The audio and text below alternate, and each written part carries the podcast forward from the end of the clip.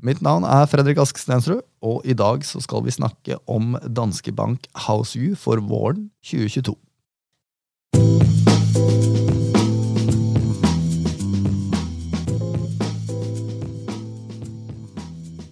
Hei, Anders. Hei, hei. For de av dere som ikke vet hvem Anders er ennå, så er det vår nye sjefstrateg i Danske Bank. Ikke fullt så ny lenger, men eh, vi får lov å kalle han ny en liten stund til. Eh, hva er Houseview, Anders? Houseview er vår kvartalsvise oppsummering av hvordan vi tror at markedet blir fremover. Neste tre til tolv måneder. Ok, Og hvorfor skal vi snakke om det og ikke krig i dag? Vi skal prate om begge deler. Men vi ga ut Houseview her eh, forrige mandag. Og eh, vi har ikke rukket å prate om det ennå, så da tenkte jeg at da må vi jo ta en liten status på hva vi tenker fremover. Ok, Det er fair. Og hvis vi skal ta en litt sånn uh, skarp snapshot først av begge deler, hvordan vil du oppsummere krigen og vårt markedssyn i et par bullets innledningsvis? Jo, Når det gjelder krigen, da, så vil jeg si at det handler der om uh, sanksjonene som har kommet fortere og vært flere enn eh, mange har trodd, og også veldig harde. I tillegg så handler det jo også da om eh, hva eh, Russland svarer på disse sanksjonene. Det blir, eh, blir, spennende å se hva de eventuelt svarer. Eh, og dette, dette, er jo ting som endrer seg. Rett før jeg kom inn her nå, så var det ny runde med nye sanksjoner fra Vesten. Så det blir spennende å se fremover. Når det gjelder eh, markedssynet vårt, så er det kort oppsummert sånn at vi er nøytrale til aksjer og vi forventer relativt store svingninger fremover. Når det gjelder, eller Hvis vi zoomer litt inn, så endrer vi vår overvekt i USA fra overvekt til nøytral. Og så tar vi fremvoksende økonomier i Asia fra nøytral til overvekt.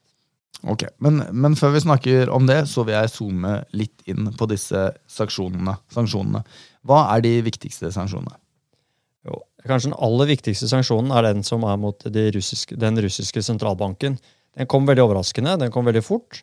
Men uh, kanskje det mest overraskende der var jo det at uh, i det hele tatt at man gjør det, eller går til det steget. Det som jo skjedde, var at uh, Vesten innførte da, eller sa at av de 630 milliarder dollarene som Russland har som sentralbankreserver, eller som valutareserver, heter det, så de som var i dollar og euro, får de ikke lov til å bruke eller de er sanksjonert av Vesten, og det var halvparten av de pengene. Og Umiddelbart så kom det da en rekke reaksjoner, bl.a. det at rubelen da svekket seg betydelig. Så um, det, det, var som sagt overraskende, og jeg tror også det kom overraskende på en, flere, en del andre.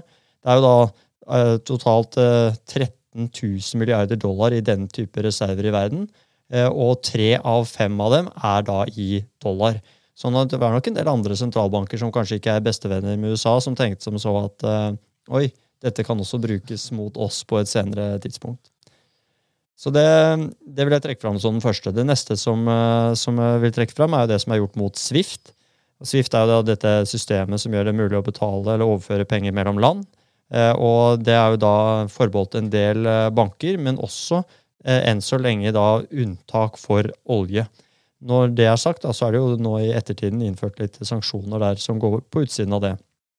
Og så er det det som kanskje har vært det mest brukte, og som kom aller fortest. Det er jo det eh, forskjellige sanksjoner mot eliten og reiser og deres aktiva utland osv. Eh, og så snakkes det da som sagt om eh, sanksjoner mot olje, eh, russisk olje.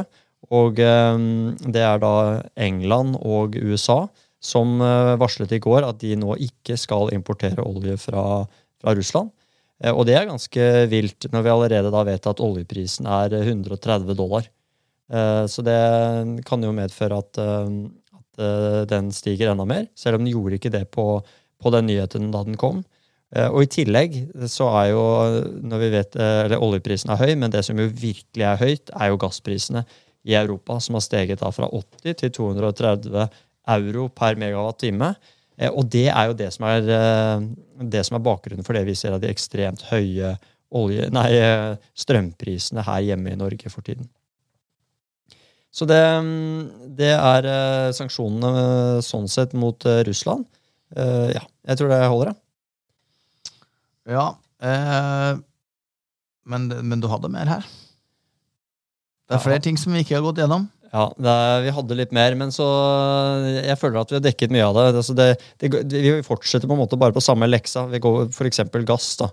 Eh, vi, vi, vet jo det at eh, eh, Og som jeg kommer tilbake også til litt senere. Ok, men, men Da skal du få komme tilbake til det senere. Men, men det er jo i hvert fall en plan da, eh, om at EU eh, e skal være uavhengig av russisk olje og gass innen 2030. For meg så høres det ekstremt fort ut. Er det, er det realistisk?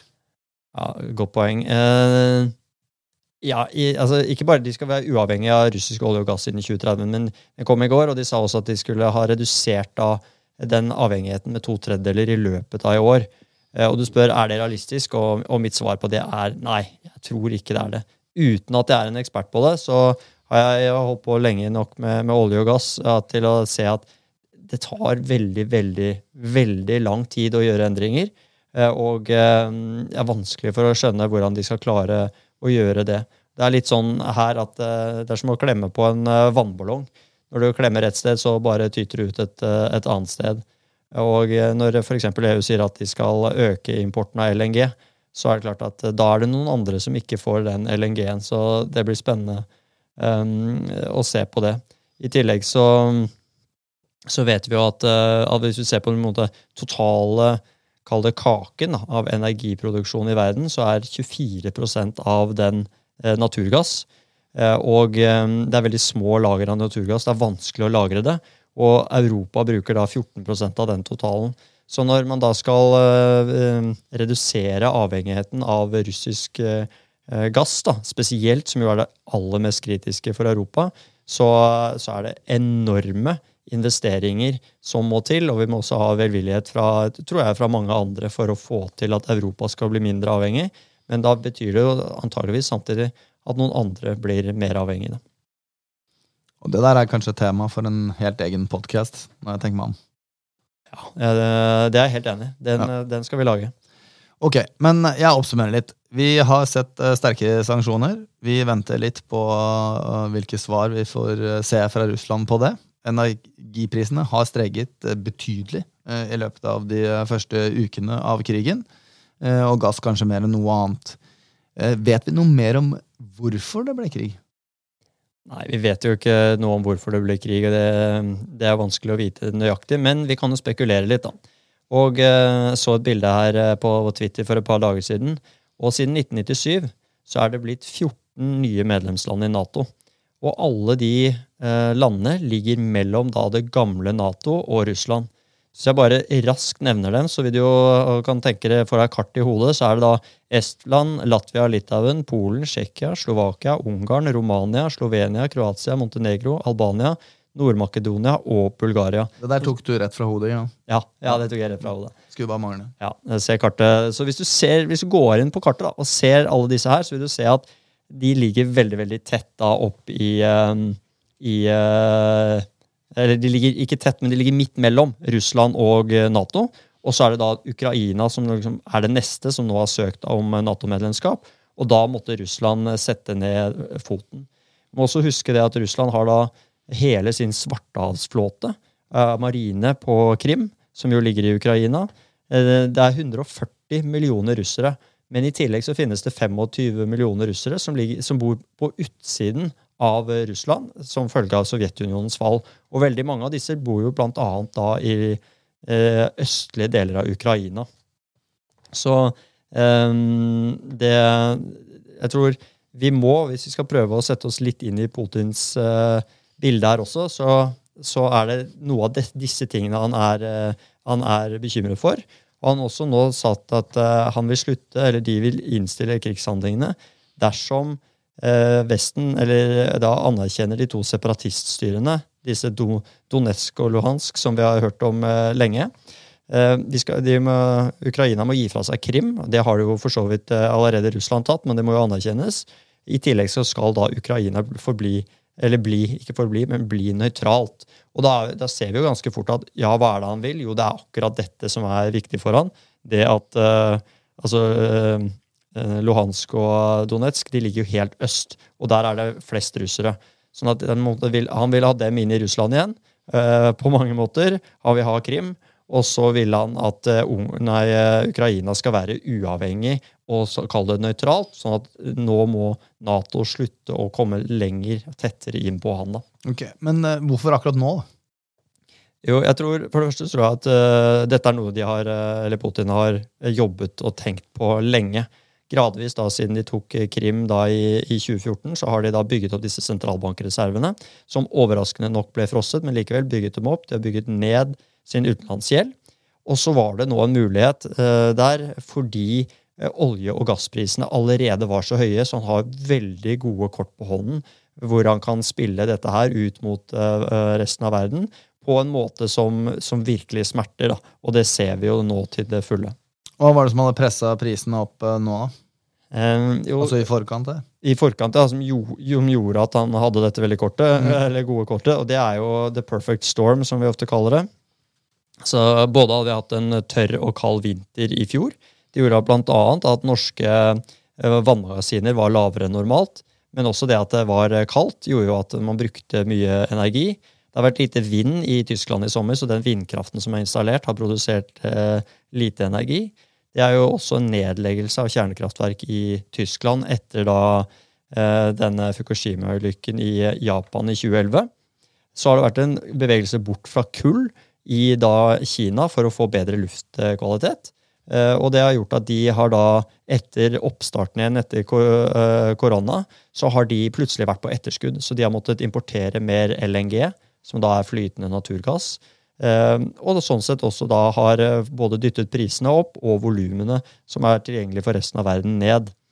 Og så, som en liksom siste krone på verket, så har man da investert lite i olje og gass de siste syv-åtte årene, fra 2014, når oljeprisen falt, i tillegg til at vi da har dette grønne skiftet som har gjort at uh, oljeselskapene, når de nå det siste har tjent litt mer penger, så har de vært veldig forsiktige med å investere noe mer i nye utvinninger, for de vet at det er så politisk uh, vanskelig uh, å, å, være avhengig av den type inntekter fremover.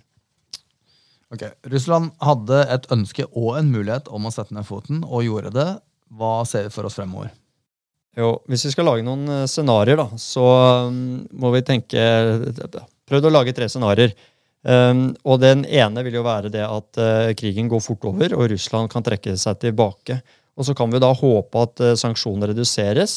Men jeg tror dette, denne sannsynligheten her er blitt mindre og mindre etter hvert som uh, krigen egentlig bare eskalerer. Det kommer nye, nye sanksjoner osv. Så uh, så vi må nok fort over på en, på en, nummer to her. Og det er jo at det blir kraftigere sanksjoner også eh, mot russisk olje og gass, som medfører høyere priser. Eh, men at krigen da utvikler seg eh, ikke utenfor Ukraina. At det blir krig som er, eh, som er ja, innenfor de områdene som nå er der. At det ikke går noe utover det. Men som sagt, at det blir høye energipriser en lang stund fremover. Og kanskje at vi på et eller annet tidspunkt får Ehm, litt mindre, altså litt mindre, krigshandlinger, fordi russerne kanskje gradvis får mer kontroll over eh, Ukraina, men at det så roer seg der. Men at vi må leve i en verden hvor vi hele tiden har dette hengende over oss, med enten at russerne gjør tiltak, at sanksjonene er der, osv. Og, uh, og, og det er litt det scenarioet som jeg kanskje tror og håper er mest eh, aktuelt nå.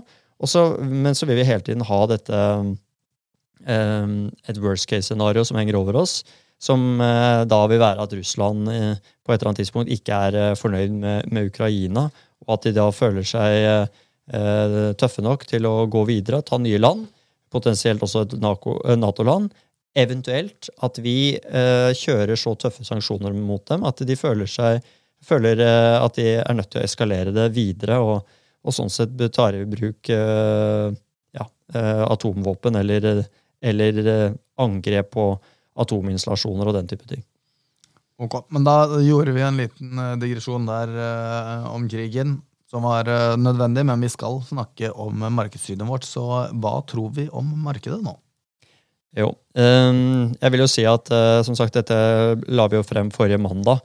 Og da For det første hadde jo krigen nettopp kommet, men i tillegg så har det jo skjedd veldig mye. Men Eh, eller, så, så, det betyr at ting kan endre seg fort. Men det vi tror nå, det er at vi er nøytrale til aksjer fortsatt. Vi tror at det vil fortsette å være store svingninger.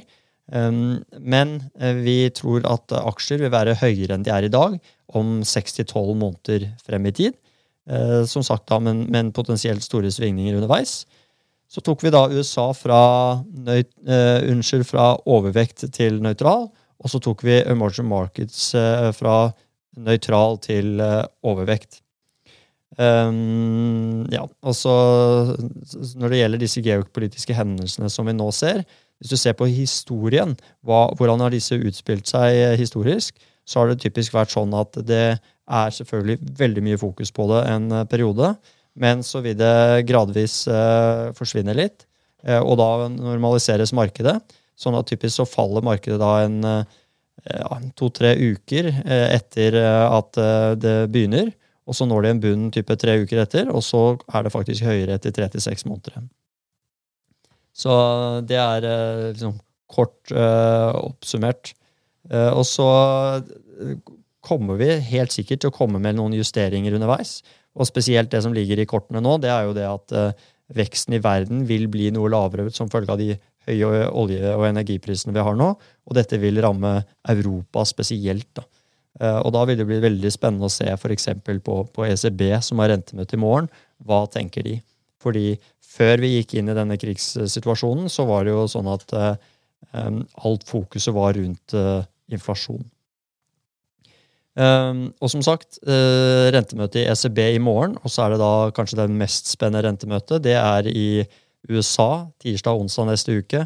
Og neste onsdag klokken åtte så kommer da beslutningen om hva gjør man i, um, gjør man i USA med renten.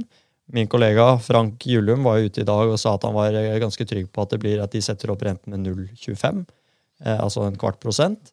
Um, og, uh, og det, det, gir mening. De har varslet ganske tydelig at de kommer til å gjøre det, men det spennende blir hva ser de fremover, og kanskje spesielt hva tenker de rundt den inflasjonen som nå har uh, dukket opp, og de rekordhøye da, energiprisene som vi har nå. For olje, høy oljepris har jo ikke bare eller det smitter jo også over til uh, høye bensinpriser, som vi har sett i Norge. Og bensinprisene i USA er også veldig, veldig nære, bare et par cent unna å være all time high. Ja, Anders, ikke overraskende så er eh, vårt houseview mer strukturert enn eh, krigen. Eh, kan du prøve å gi meg en liten oppsummering av det her? Ja, Hvis vi skal oppsummere alt, alt, vi har snakket om, da, så er jo det som går på krigen, der er det jo sanksjoner fra Vesten og Russlands eventuelle svar. Så langt har det vært ganske lite, men, eller det har kommet lite fra den fronten, men potensielle svar fremover det blir veldig viktig å følge med på. Krigen den bygger opp under da, de inflasjonsproblemene vi så i forkant. Eh, og det blir spennende da, å se på både i morgen i ECB og USA til neste uke hva de svarer på det.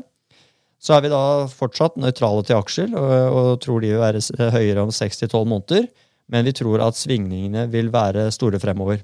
Og så et uh, siste punkt. Det som vi har sett ut fra dette her, det er jo det at diversifisering, eller det å investere bredt, er, uh, gir god mening det er, da man, uh, det er da man kommer seg best gjennom denne type uventede ting. Så vær forsiktig med å, å putte alle eggene i én kurv, er min form. Et overraskende råd fra vår sjefstrateg. Er det noe annet vi trenger å plugge, Anders, før vi uh, runder av? Nei, Det måtte jo være at uh, dere kan nå meg på at makrojohansen på Twitter. Og kom gjerne med både direkte spørsmål til krigen eller Houseview, eller for den saks skyld forslag til uh, fremtidige temaer der. Så uh, tror jeg det er det. Ja, men det er bra. Og dere, det kan dere også sende til meg, som er handle at askstensrud på Twitter. Eh, bare send oss eh, meldinger. Jeg har hatt mye hyggelige samtaler med mange av dere. Og vi vil selvfølgelig ta hensyn til deres ønsker når vi bestemmer oss for fremtidige temaer for danske bankers. Du, Da gjenstår det bare å si eh, tusen takk for i dag, og takk til deg, Anders. Vi høres igjen om et par uker. Det gjør vi. Ha det. Ha det.